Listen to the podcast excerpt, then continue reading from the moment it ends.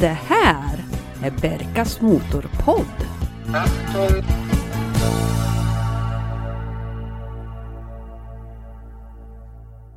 Hej och välkomna till Berkas Motorpodd.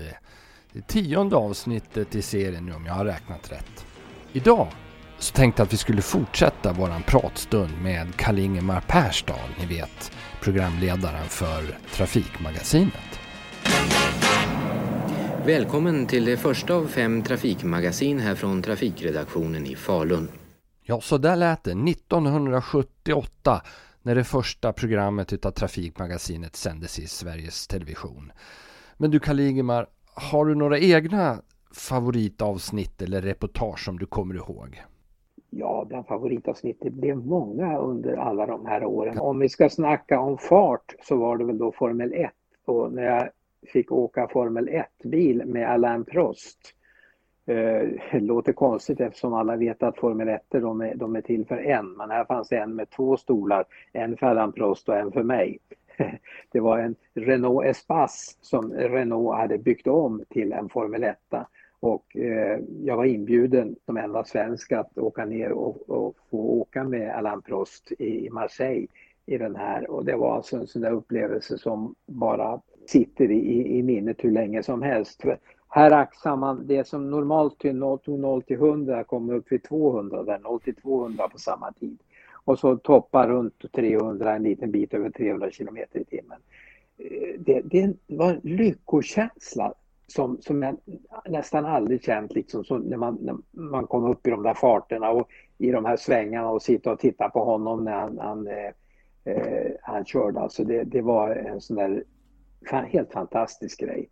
Jag tycker det är lika roligt att köra folkrace till exempel. Det, det, där, I det fallet är det inte hastigheten men det är upplevelsen att behärska bilen i olika situationer. Va? Oavsett om du går 40 kilometer på en skitig bana i en grusgrop eller om du går 300 på en Formel 1-sträcka så är det ändå det här med, med hastigheten och bilen och upplevelsen som är så speciell. Apropå det, har du, har du ägt några roliga bilar själv? Det har väl blivit en del under årens lopp. Jag gillar franskt ett tag så jag hade en hel del franska bilar, Citroënger, Citroën B11, Gangster från 50-talet en som jag köpte som var, var mest skrot men som jag ägnade vintrarna åt under sju år att, att renovera helt och hållet. Eh, jag hade en Citroën SM, Mercedes 450 SL var, var en av mina favoriter. Den köpte jag i Kalifornien och tog hem. Eh, och och pratar ju amerikanare så har jag väl en Cadillac eh, där också, en Coupe de Ville, en, eh, en 69 eh, cabriolet som jag hade, hade ett tag. Och, eh, jag behöll inte bilarna så länge. Jag hade inte möjlighet och ekonomiskt heller att behålla dem utan jag, jag hade dem, hade roligt med dem och sen så sålde jag dem och, och köpte någonting annat. Man måste ha ett väldigt stort garage annars också. Nu tänkte jag att vi skulle prata tv-historia. Alkohol och bilkörning passar ju absolut inte ihop. Men du är en av de få som på en laglig väg har gjort det här. I syfte att påvisa hur dålig man blir som förare när man har alkohol i kroppen. Kan du ta oss igenom det här klassiska avsnittet när du kör berusad i USA? Ja, det är precis som du säger att vi ville visa att alkohol och bilkörning inte hör ihop. Och då ville vi göra det i Sverige med att på en testbana under kontrollerade förhållanden eh, köra med olika promillegränser i kroppen. Men det, det gick inte eh, enligt eh, polisen, vi kunde inte få tillstånd. Däremot så hade jag kontakter i USA eh, Eh, där vi, vi, kunde komma in hos eh, polisen i Maryland eh, utanför Baltimore eh, och köra på deras testbana att göra ett sånt här prov med, med olika promillenivåer.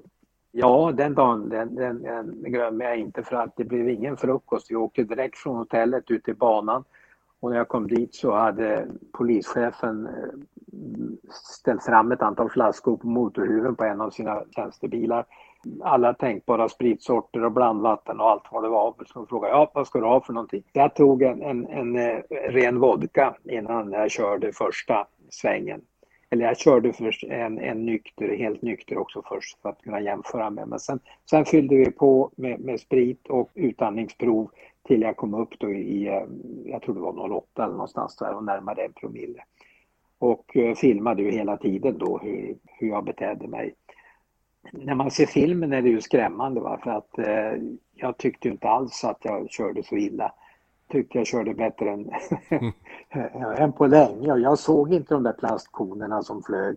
Jag tyckte jag hade helt koll på bilen men eh, det hade jag ju. Någon sa att du körde som ett svin, ja det stämmer nog, det, det var nog det jag gjorde. Och någon som fick gå och plocka upp koner efteråt, de tyckte inte alls det var roligt. För det var plastkoner överallt, det var kanske hundra koner som flög när, man, när jag körde. Så skulle, de, skulle jag dricka mer och plastkonerna skulle upp och så skulle jag köra igen.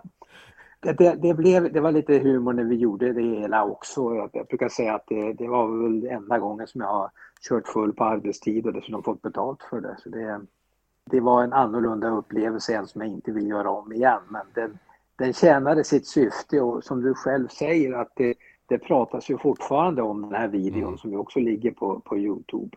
Det, det tjänade sitt syfte. Va? Det, mm. det, jag tror det var en väckarklocka för många. Mm. Jag tänker också på det där med att balansera då intaget på fastande mage. Man är ju kanske inte riktigt sugen på eh, en sexa vodka på en gång. Men, men det var så testet skulle gå till, att man, man börjar tidigt på morgonen utan någon större frukost. Ja, tanken var att det kanske var en kopp kaffe och en macka innan vi lämnade hotellet. Men någon riktig frukost var det inte, utan sen, sen så var det då, som du säger, en sexa vodka och så sen vänta en liten stund och så kolla eh, utandningsprovet och så köra och så sen fylla på det under förmiddagens gång. Och det, visst, det, det, det är ingen höjdare att börja dagen med vodka, det kan jag lova. Var det någon form av lottdragning på, på redaktionen, vem som skulle få göra det här testet? Eller kände du att nej, men jag, jag tar den här? Ja, grejen var att det var, var ingen som erbjöd sig. Jag, jag, jag inte ens tänkt tanken. Ja, det är som sagt, det där ska man inte göra, punkt slut. Nej, ja, man, man hittar ju det på Youtube och man ser ju där nu, jag missade dörren och satte mig i baksätet vid en, vid en av testerna. Och... Yeah. yeah, you lead me to the, to the wheel. Are you okay? I mean, really? Of course, I like to drive. Okay. Yeah, yeah. It's his test, yes. Okej. Okay. Alltså, jag skulle ju aldrig i livet sätta mig bakom ratten i en bil i det här läget. Sorry. Turn the wheels. Good. There you go. Okej. Okay vid någon så eh, då hittade jag förardörren men jag kunde inte vrida ratten rakt för jag var så pass packad så det gick inte. Jag kunde inte vrida om startnyckeln utan det fick polisen göra som satt bredvid mig. Han hjälpte mig på med bältet också eh, och, och vred ratten rakt innan jag eh, seglade iväg ut på testbanan där och välte koner. Det där är inte någon fejk utan du satte verkligen i baksätet? Ja, det är ingen fejk. Det var tyvärr så pinsamt som det kunde bli. Jag satte mig i baksätet. Wow. Och sen hade du då polisen som satt bredvid och sa att här framme här ska du ta höger, ibland sa han höger, ibland vänster. Då skulle man reagera blixtsnabbt va? och det, var, det gör man inte eh, efter det antalet vodka. Det är en sekvens där också som du är lite nyfiken på den här polisassistentens eh, vapen också. Det blev lite vapenintresse där under spritens ångor kan man säga. Ja, jag frågade om jag fick provskjuta men jag tycker hon var, hon var lite snarstucken där. Det borde jag ju kunna fått gjort. Ja. Tyckte jag då, men jag, jag, är väldigt glad för att hon, hon var, hade mer förstånd än vad jag hade. May I ask what kind of... Uh, It's a Beretta 92F. Det gungar lite grann, måste jag säga. Det är... Okej, okay, då kör vi. Well, I'm finished. I'm ready, I mean, not finished. I'm finished. Okej. Okay. Okay. okay. Ja, hon är ju väldigt diplomatisk och berättar vad det är för någonting, men det är ju i en sån ton så att det blir inga följdfrågor på det alltså. Nej, jag hade nog svårt att hålla ihop konceptet och få till en följdfråga i det läget. Vi skruvar igen flaskan där då och sen så måste jag ändå fråga lite grann mer om sådana här reportage som jag kommer ihåg från Trafikmagasinet och det är ju när ni är nere och kör i Östtyskland var det 85, så det, det, var ju några år innan allting öppnades upp. Hur, kan du berätta lite grann hur, hur det där kom till att köra bil i, i eh, DDR? Ja, som så ofta när det gällde innehållet i programmet så by, byggde det på mina egna erfarenheter. Eh, 84 eller 85 så hyrde jag en husvagn och så åkte jag och familjen ner genom Östtyskland. Bara därför att jag ville se hur det var på andra sidan järnridån, den slutna delen av Tyskland när vi kom hem så tänkte jag att det här skulle man ju göra tv på. Det här är så unikt. För det var väldigt svårt att överhuvudtaget komma in i det slutna öst. och med, med tv-kamera ännu värre naturligtvis. Men vi lyckades förhandla till ett tillstånd att vi fick komma in i Östtyskland och eh, med, med tv-teamet och gjorde en resa där nere för att se hur det var, hur vägstandarden som var urusel, bilarna som var blårökande gamla Trabanter och IFA Wartburg, eh, Moskvich och, och, och eh, en och annan vass eller lada. Nästan inga, inga västbilar alls, för det fanns ju inte på den tiden, där inte i öst. Ni hade ju den där reportagevännen. Ja, det, det var en skeva vän där vi, som vi, Eh, man var väldigt mäkta imponerad av. Eh, som eh, vi fejkade ett fel på då bara för att se om man hade ju såna här vägtelefoner längs motorvägen så vi fejkade ett fel på den och så gick jag till motortelefonen, vägtelefonen och klargjorde på tyska att vi, bilen har stannat här, skulle vi kunna få lite hjälp? Och det kom mycket vänliga, en, en verkmästare ut i blårock och en, en bärgare och tittade på den. Vi öppnade huven och han bara tittade ner, ruskade på huvudet och sa att jag aldrig sett något liknande. Det här kan vi inte göra någonting åt. Såna delar till sådana här bilar, det finns inte i Sovjet och Östtyskland och de länderna. Utan vad vi kan göra det är möjligtvis att boxera er till färjan tillbaks till Sverige. Det är vad vi kan bidra med. Fick ni klara er själva eller hade ni en skugga med er? Ja, vi hade flera skuggor med oss, sådana som vi såg och som vi inte såg förrän mm. efteråt. Så att vi, vi hade vakter som var med. En som hela tiden frågade, ville veta vem av allmänheten, eh, om jag såg någon som jag ville intervjua, om jag fick göra det. Och det fick jag för det mesta, det, det, det var, var, inte nej där men det var hela tiden vilka vägar vi tog och tog vi fel väg som vi gjorde medvetet några gånger bara för att kunna stanna och filma. Då tog det bara någon minut så hade vi en grå militärjeep eh, som, som jagade fatt oss och vinkade tillbaka oss ut på, på stora vägen igen. Va? På de få transitvägar genom öst där, där västerlänningar fick åka. Va? För allt annat var ju helt stängt, helt förbjudet. Hur kändes det då? Det kändes som en läskig James Bond-film. Man var i ett overkligt landskap, ett overkligt land. Det, det var det var som ingenting som man har upplevt i det, den frihet som vi, vi lever i normalt. Där var ju allt stängt, allt förbjudet och, och ingenting var tillåtet. Och bilen plockades ner i sina beståndsdelar och eh, när man skulle passera via Checkpoint Charlie in, in i öst. Jag hade en kassettband med ABBA-musik som låg på instrumentbrädan. Det av allt beslagtog de, för det, det fick man inte ha i öst mest konstiga saker eh, togs i beslag. För allt som påminner om väst, allt från väst, det, det, var, det var ju förbjudet. Det här var ju en, en järnridå. Och i Östberlin kunde man ju då på kvällarna i det gråa Östberlin där lukten från eh, koleldat eh, kraftverk och koleldning den låg tät kunde man då bara några hundra meter bort på andra sidan muren se då ljusreklamen från väst och höra musiken från diskoteken på andra sidan muren.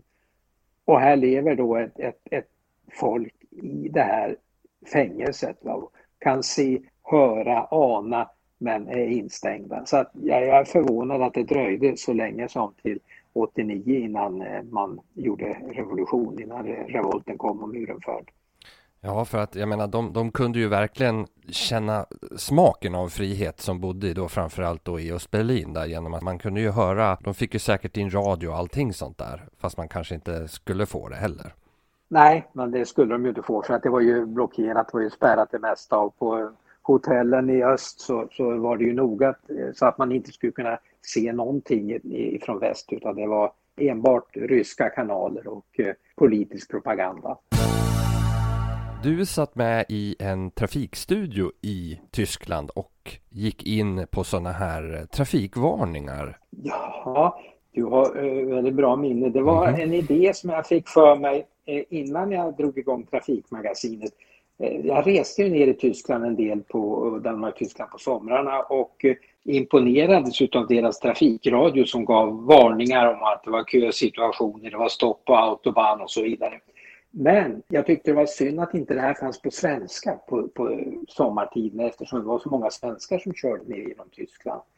Så jag, jag pratade med Norddeutsche Rundfunk i Hamburg och eh, deras programchef han tyckte att det var väl ingen dum idé om jag kunde komma ner och sitta i Hamburg och sitta med i sändningarna där då under industrisemestern. Så att helgerna under industrisemestern så då var jag i Hamburg under ett antal somrar och eh, översatte då de här trafikmeddelandena som först gavs på tyska och så sen direkt när jag hörde den på tyska så översatte jag till svenska och så gav det på svenska efteråt.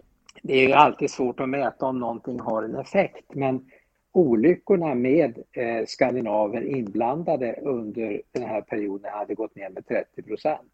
Och då hade man räknat in då trafikströmmar och alltihop som har gjort. Så att det skulle, om det var representativt, det vet jag inte. Men man, man påstår i varje fall att olyckorna gick ner under de eh, veckoslut som eh, vi körde det här på svenska. Och det var ju fantastiskt roligt tycker jag. Fick du några reaktioner på det där? För jag menar, folk måste ju ha blivit förvånade när de hörde en bekant röst i tyska radion. Ja, det var en del som ringde upp eh, och jag har alltid haft svårt för höger och vänster, kan jag väl erkänna. Och eh, då ringer en svensk upp och lyckas bli inkopplad i studion eh, på telefon till mig som inte gick inte ut i sändning. Och så säger han, du, jag befinner mig på Gasthof utanför för Hannover. Det där du sa nu, stämmer det verkligen? Eh, stämmer det att husvagnar ska hålla sig i den långsamgående filen till vänster? Menar du inte att de ska vara till höger?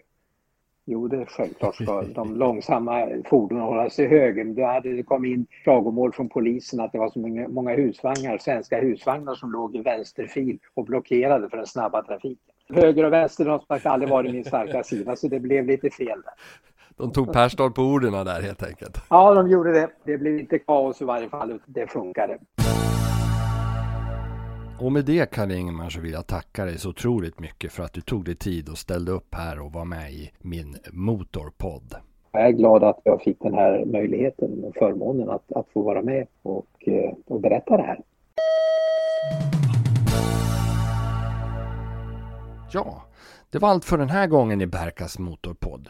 Glöm inte att dela avsnitten och prenumerera så att ni inte missar nästa avsnitt. Vi finns på Facebook, Instagram och på vår egna hemsida www.berkasmotorpodd.se. Tills vi hörs nästa gång, kör så ni trivs!